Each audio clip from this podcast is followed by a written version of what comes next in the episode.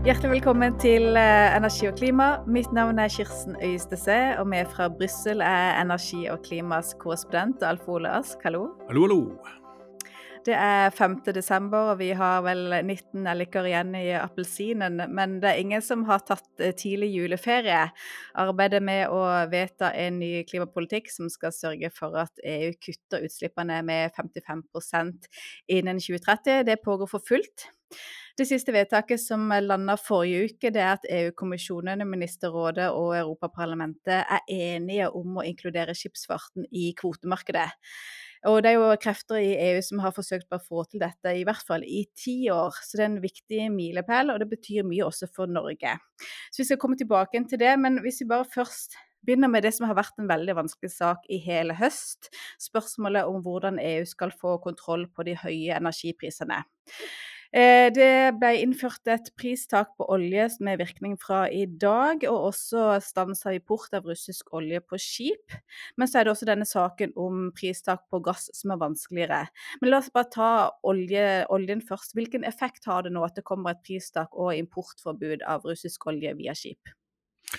Selve pristaket, som er på rundt 60 dollar fatet, er omtrent den prisen som den russiske oljen nå oppnår på, på verdensmarkedet. Så det kommer til å få liten betydning. Putin skjærer tenner og, og, og gneldrer, men, men, det er ikke så mye han får gjort med det. Importforbudet på skip og de restriksjonene som kommer der, gjenstår jo å se hvor effektive de blir.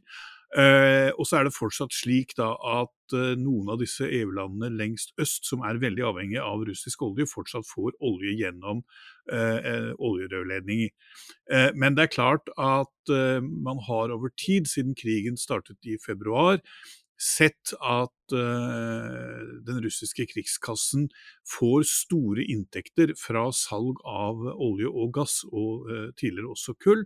Uh, og Det er jo dette da EU nå skal forsøke å strupe, og man har da omsider, sammen med G7-landene, blitt enige om et pristak for russisk olje. Så gjenstår det da hva man da vil gjøre med gassen. Eh, det har jo vært forslag innimellom om å innføre eh, boikott av russisk gass. Dette splitter EU, så så langt har det vært helt umulig å få eh, enighet om det. Derimot så jobber man nå ganske hardt fram mot, mot møtene i toppmøtet i slutten av neste og energiministermøtet i juleuka Eh, om å få satt et slags tak som gjør at man kan dempe de verste utslagene av høye gasspriser som så slår inn i, i eh, strømprisen. Hvorvidt man klarer å bli enige om det, det gjenstår å se, men dette har vært en lang, lang prosess hvor ikke minst kommisjonen har strittet imot fordi man er redd for at eh, et pristak eller en begrensning av prisene vil føre til at eh, man får for lite gass inn i Europa. Altså EU er helt avhengig av å kjøpe, eller EU-landene er helt avhengig av å kjøpe gass på verdensmarkedet, og da må man ligge over verdensmarkedsprisen for flytende nedkjølt gass, det som kalles LNG. På eh, ministermøtet som var i slutten av november, så var det tydelig at det var stor uenighet om et pristak på gass, og landene sto langt fra hverandre. Er det sannsynlig at de kommer til en enighet på denne siden av jul? Ja, situasjonen er den at hvis dette eh, taket skal ha noen virkning, så må de bli enige før jul. fordi det må da tre i kraft i januar, sånn at eh, man har dette ordentlig på plass når lagrene begynner å tømmes utover våren og man skal inn og fylle de igjen. Det er jo faktisk 2023 som nå ser verst ut med tanke på, eh, på prisbildet. Man har nå fulle lagre, og selv om det akkurat nå er kaldt og sludder her i, i Brussel, og folk fyrer uh, for fullt, så er altså fyringssesongen mer enn én måned forsinka, slik at gass- og energisituasjonen i år og den første vinteren eh, ser ikke så ille ut. Derimot frykter man situasjonen eh, neste år, fordi da vil man få mye mindre russisk gass enn det man har nå. Det er jo en rørledning i Østersjøen som jo er sprengt i filler, bl.a. Og eh, det er ingen sterk økning i LNG-produksjon rundt i verden, sånn at gassituasjonen vil bli vanskeligere. Og dermed kan man få mye eh, høyere prisutslag i 2023-2024 enn det man eh, ligger an til å få nå. Derfor så kan det haste å få på plass en slik ordning, eh, men det sitter langt inne. Det er en fem-seks eh, medlemsland som gjerne vil senke dette taket fra 275 euro per megawatt, som kommisjonen har foreslått, helt ned til 160 eh, er det noen som snakker om. Da begynner man å få et reelt pristak som vil innebære at EU-landene eh, e kan miste store forsyninger av gass, og da går vi i retning av rasjonering. Og hvilke land er dette som ønsker å senke pristaket såpass mye? Det er litt uh, forskjellige land, men uh, Hellas er blant uh, de landene som har stått i, i, spissen for dette. De har hatt med seg en del andre land.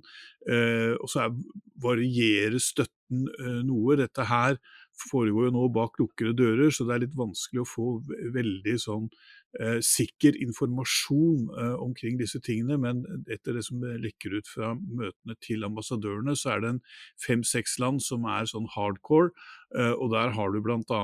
Eh, eh, Hellas som, som eh, førende land, og i tillegg til det også Polen. Du har også de baltiske landene har vært vært med på, på, på dette. Så, og Frankrike har vel ikke sagt noen sum, men har også ønsket seg et, eh, et eh, lavere tak. Og Hvem er det som er på andre siden og ønsker et så høyt tak som mulig, eller kanskje ikke tak i hele tatt? Ja, der er jo land som Tyskland og Nederland. Nederland produserer jo fortsatt en del gass, og tyskerne er den største forbrukeren av gass og er engstelig for, eh, for forsyningssituasjonen. Mm. Så er det spørsmålet om å reformere strømmarkedet. Og EU-kommisjonen har jo varsla en revisjon, og at det skal komme et forslag i forkant av EU-toppmøtet som er 15. og 16. desember. Hva vet vi nå om hva en slik revisjon kan komme til å inneholde? Det vi vet er at dette skal være en reform som tar sikte på å sikre at forbrukerne i EU får den fordelen det er av at det nå produseres mer og mer for billig fornybar energi. I dag er det da slik at det er den dyreste gasskraften som setter prisen også i strømmarkedet, og som fører til at eh, strømprisen blir så, eh, så høy. Hvordan man praktisk skal få til dette, er, er det stor diskusjon om, og de eh, organisasjonene for for kraftselskapene, ikke minst i Norden, er svært skeptisk til en slik reform, fordi de mener at man ikke skal tukle med et marked som på sikt eh, over tid har fungert bra, fordi man nå står oppe i en veldig akutt situasjon, og at man da heller må subsidiere forbrukerne. EU, eh, e og ikke minst Ursula von der Leyen, kommisjonspresident, er en annen oppfatning. Hun mener at dette markedet nå ikke fungerer bra nok, og at man må gripe inn og sørge for at forbrukerne får de fordelene som som eh, man nå har investert seg fram til gjennom fornybar. Dette kan man også se i et annet sammenheng. Dette er litt sånn at man nå ser at EU-kommisjonen er villig til å gripe inn i markedet og regulere markedet, kanskje på en helt annen måte enn det man har vært vant til fra, fra EU-kommisjonens side. Hvilke konsekvenser vil det ha da for produsenter av vindkraft og solkraft? Altså Vil det lønne seg da å investere hvis de griper inn og, og påvirker prisene, eller hva vil være på en måte de langsiktige konsekvensene av den veksten man ønsker å ha i, i sol og vind bl.a.? Nei, det er akkurat de bekymringene du peker på der som, som eh, nok dominerer på deres side, nemlig å si at, at man er engstelig for at det da skal bli for lite investeringer, og at investorene skal vende seg andre steder, rett og slett fordi de ser at, at man da eh, ikke får øh, øh, Eh, igjen for innsatsen, eh, for å si det sånn. Eh, og det er jo er et, er et problem. Og det ser man jo også i enkelte steder hvor man jo har hatt denne ekstra beskatningen av disse gigantgevinstene, som også kraftselskapene har hatt, det er jo ikke bare olje- og gasselskapene, at det også har til noen grad påvirket investeringslysten. Så dette her er er jo et problem. da, det er liksom, På en måte kan man si det litt enkelt da kan man i denne førjulstid. Dette er ei pølse, og klemmer det inn et sted, så tyter det ut et annet sted. Eh, og det er, er veldig vanskelig å, å, se for seg hvordan man skal gjøre dette. men Kommisjonen har da lovet at de skal legge fram eh, en skisse til en slik reform eh, i midten av eh, desember. Og så skal man da få noen reaksjoner på den, og så skal man da utpå nyåret komme med lovteksten på, på, denne strømreformen. Og hva dette da blir, er, kommer til å bli en av de store sakene neste vinter. Er det noen markedsaktører som er positive til dette og ser at de kan tjene på det? Uh, ja, de har i hvert fall ikke ringt til meg, for å si det sånn. Nei, det, det, uh, det er, kan nok være, men, men, men det, det, har ikke vært de som på en måte har eh, dominert. Det har vært mer bekymringen fra, fra en del av disse organisasjonene og selskapene som, som, uh, som har vært der. Så, så er ikke det. Men derimot så, så er det klart at i Europaparlamentet f.eks blant mange europaparlamentarikere, eh, en del forbrukerorganisasjoner og sånt, er mye mer positiv til dette enn eh, hva det så langt tyder på at næringen er. Men så må jeg også si at dette er jo litt sånn derre å slåss mot spøkelser, da. Fordi at foreløpig så har man sett at eh, noen gått, gans, noen grupper både på den ene og den andre siden har gått kraftig ut, men, men de vet jo strengt tatt ikke så mye om hva eh, kommisjonen kommer til å foreslå, men det er helt åpenlagt at det pågår en, en kamp om, om, opinionen allerede før forslaget ligger på bordet. Mm, og de advarer om alle mulige konsekvenser av det som eventuelt kan komme, da. Dette er for å Selv om du som sørlending ikke liker sånt, men dette er å male fanden på veggen. Nei, det gjør jeg ikke. det er det okay. de driver med. Vi skal over til uh, siste sak i, i, dag, og det er Fit for 55. og Den er jo kommet lenger når du snakker om at denne strømreformen skal gjennom hele, hele kverna av EU-systemet når, når, det handler om å, å, endre lover. Så er jo Fit for 55 kommet mye lenger. Det er denne politikkpakken som skal sørge for at EU faktisk kutter utslippene med 55% innen 2030. En rekke tiltak og virkemidler må da på plass. Pakka ble jo lansert i, av EU-kommisjonen i juli i 2021, og så har den vært til behandling nå av eh, Ministerrådet og Europaparlamentet. Og etter sommeren i år så har EU-kommisjonen og rådet og parlamentet sittet sammen i det som heter trilogforhandlinger, der de skal bli enige om hva som skal være gjeldende politikk. Og dette begynner jo sakte, men sikkert å, å lande en etter en av, av, disse delene i Fit for 55. Og det siste da som landa forrige uke, det var jo at de ble enige om at skipsfarten skal inn i kvotemarkedet. Hva betyr dette? Dette er en uh, stor seier for uh, ikke minst uh, folk i Europaparlamentet som har jobbet for dette her i kanskje så mye som ti år. Jeg mener Peter Lise, som, som er en kris, tysk kristeligdemokrat og som er saksordfører for utvidelsen av EUs kvotehandel, Eh, har jo drevet med dette her i, i mange, mange år. Uh, og ser på dette som en stor seier. Dette, uh, det har jo lenge vært slik at man mente at EU som en regional enhet ikke kunne gå uh, foran og regulere det som jo på en måte er en bransje som går over de syv hav. og det har man nå da gjort. Man innfører regler her som innebærer at man må betale for utslipp, og det gjelder også uh, skip som seiler under bekvemmelighetsflagg uh, osv. Og EU går her nå foran og venter ikke lenger på den internasjonale maritime organisasjonen IMO. Uh, for Norges vedkommende så er, en av tingene her at også offshoreflåten skal fases inn i, i dette systemet. Eh, så har da eh, rederne fått noe tilbake. De, eh, I EU-sammenheng så vil de altså få øremerkede midler fra dette innovasjonsfondet for å støtte grønne tiltak i skipsnæringen. Og Rederforbundet har vært ute i Norge og ment at man må ha en lignende ordning for de kvoteinntektene som Norge da nå får som følge av, av dette. Så det gjenstår litt sånn krig om inntektene, for å si det sånn, eller en diskusjon om inntektene. Men dette er kanskje et av de største kvantesprangene Uh, vi har sett hittil i denne Fit for 55-pakken, uh, og som er utrolig viktig uh, fordi den kommer til å endre en, en, en verdensomspennende næring. Mm. Og det er jo spesielt med skipsfarten, for det er jo den eneste næringen som, som ikke eh, noen land har eierskap til utslippene fra. Eller det er egentlig både internasjonal skipsfart og internasjonal luftfart. Der det er ingen land som eier må rapportere på eller har ansvar for å kutte utslippene fra.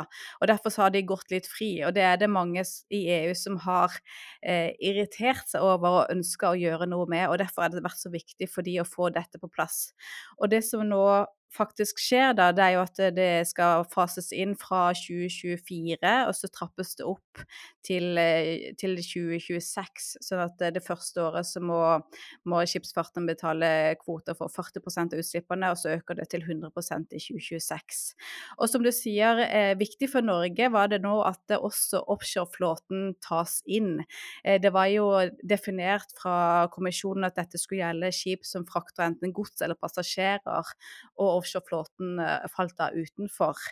Eh, men fra 2027 så vil også dette gjelde for offshoreskip som det er over 5000 eh, bruttotonn i størrelse.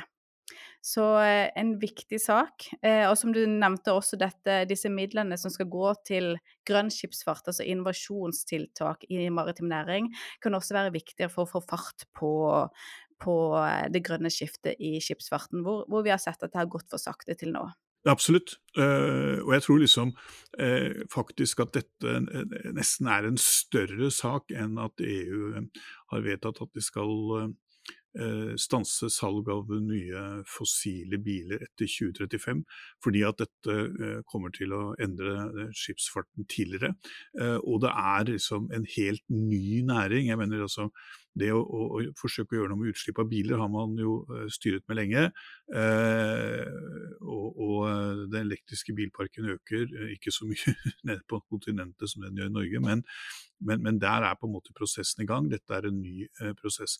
Så skal det også sies en ting til. Det er jo når det gjelder denne utvidelsen av EUs kvotehandel, så har man da fått skipsfarten på plass, og det er bra.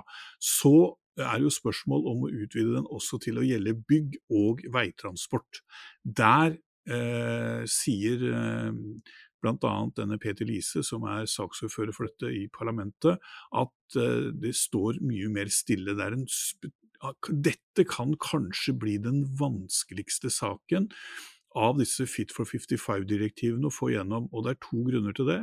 Det ene er at det er Uh, tøft å komme med noe som nå skrur opp drivstoffprisen for uh, fattigfolk, hadde jeg nær sagt, rundt omkring i Europa, i en tid hvor, hvor uh, også regjeringen bruker penger på å subsidiere for å få satt ned drivstoffprisen, rett og slett fordi folk ikke har råd til, til å hente unger i barnehage og, og, og kjøre rundt lenger.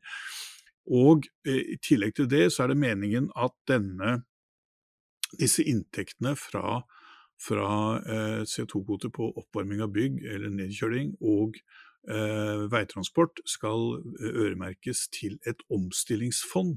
Et sosialt grønt omstillingsfond i EU.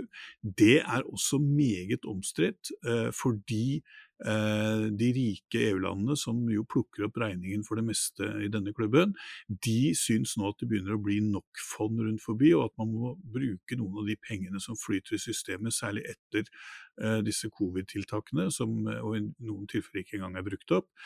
Uh, og uh, Så dette her har kjørt seg uh, noe fast, og kan bli den tøffeste saken som rådet og parlamentet skal forhandle om. De har eh, bebudet et nytt eh, sånn trilogmøte og starte intensivere den prosessen fra 15.-16.12. utover.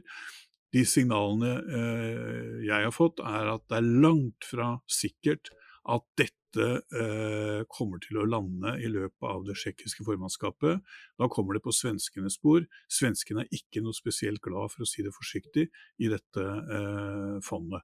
Så, så, her er det eh, kanskje den saken som kan bli vanskeligere, til og med vanskeligere enn denne CBAM, denne karbontollen, som nok mange hittil har holdt som, som en, eh, en, nøtt, men, men hvor signalene nå er at det er framdrift og framgang. Mm. Hvis vi skal forsøke å summere opp hvor Fit for 55 nå står, altså det er enighet om at man skal stanse salg av bensin- og dieselbiler i 2035. Det er enighet om å skjerpe kravene til utslipp i ikke-kvotepliktig sektor. Der skal målet økes fra 29 til 40% Så er det enighet om reglene for skog- og arealbruk. Og så er det skipsfarten som, er, som man er enig om at skal inn i kvotemarkedet. Og som du sier, så er det en del av de vanskelige sakene som fremdeles gjenstår. Men eh, det tsjekkiske formannskapet de har jo levert kanskje egentlig mer enn man hadde forventa dette halvåret. Men du antyder at eh, en del av sakene kommer ikke til å, å lande på, på, denne siden av jul, sånn som du ser det nå? Nei, jeg må jo si, eh, det, har du helt rett i, Kirsten. Altså, det tsjekkiske formannskapet har faktisk gjort en mye Eh, bedre jobb enn mange fryktet da de overtok. Eh, franskmennene, til tross for at de både hadde valg og mye å balle med på, eh, i løpet av sitt halvår, hadde betydelig fremgang, og den har fortsatt under det tsjekkiske formannskapet. Og jeg tror eh, at det var du skulle være mer enn gjennomsnittlig optimist for, for, å tro at man skulle komme så langt som det man allerede har gjort under det tsjekkiske formannskapet. Og jeg tror også de kommer til å lande noen eh, saker til før, før de eh, leverer klubba videre til svenskene. Det var jo antydet eh, sånn i september, begynnelsen av oktober, at eh, svenskene kom til å få det meste av disse tingene på, på, sitt bord, men nå ser vi altså at tunge, vanskelige saker løses én eh, etter én av, av eh, det tsjekkiske formannskapet med, med, god fremdrift. Så, så, jeg, så det det, det, det, eh, har vært eh, imponerende eh, med tanke på at dette er et lite land. Og det å være EUs formannskap eller presidentskap er jo en ganske sånn ressurskrevende sak for, for regjeringene i, og embetsverket i det landet som da har, har dette. Så får vi eh, se. Sverige har eh, den utfordringen at de jo nå har en helt fersk regjering. Eh, veldig mange av eh, de statsrådene er jo akkurat nå på sine første eh, eh, ministermøter. Og de, eh, de, skal liksom eh, inn i denne tralten, og så skal de rett over til å lede eh, mye av, av dette. Så, så, det vil jo også være en utfordring for, for en helt fersk regjering. Å få en så stor og tung oppgave i fanget. Men, men, men i Sverige har man jo forberedt seg ved at det er bred politisk eh, backing eh, i Riksdagen for de prioriteringer som, eh, som det svenske formannskapet har, sånn at regjeringsskiftet i seg ikke kommer til å bety noen vesentlige endringer av den svenske politikken. Et av de få områdene hvor man ser noen justeringer eller ser en viss forskjell, er jo nettopp på klimapolitikken. Eh, hvor man ser at denne regjeringen som sitter nå, kanskje har litt lavere ambisjoner på noen områder enn det den forrige regjeringen hadde, men de er fortsatt godt innafor det som er vedtatt i EU. Og nettopp derfor er det kanskje noen eh, onde tunger i Sverige som sier at de håper at Tsjekkia lander så mye som mulig av Fit for 55 før svenskene overtar, i frykt for hva Sverige kan finne på. Ja, det fins noen som, som uh, drar et, et slikt uh, resonnement. Men uh, nå er nok denne prosessen på skinner på en sånn måte at uh, det skal nok mer enn en svenske til for å bremse den. Okay. Vi kommer tilbake tenker jeg, med de sakene som eventuelt lander på denne siden av jul, og så kommer vi med nye podkaster også i 2023. Takk for oppdateringen fra Brussel så langt, Alf Ole. God.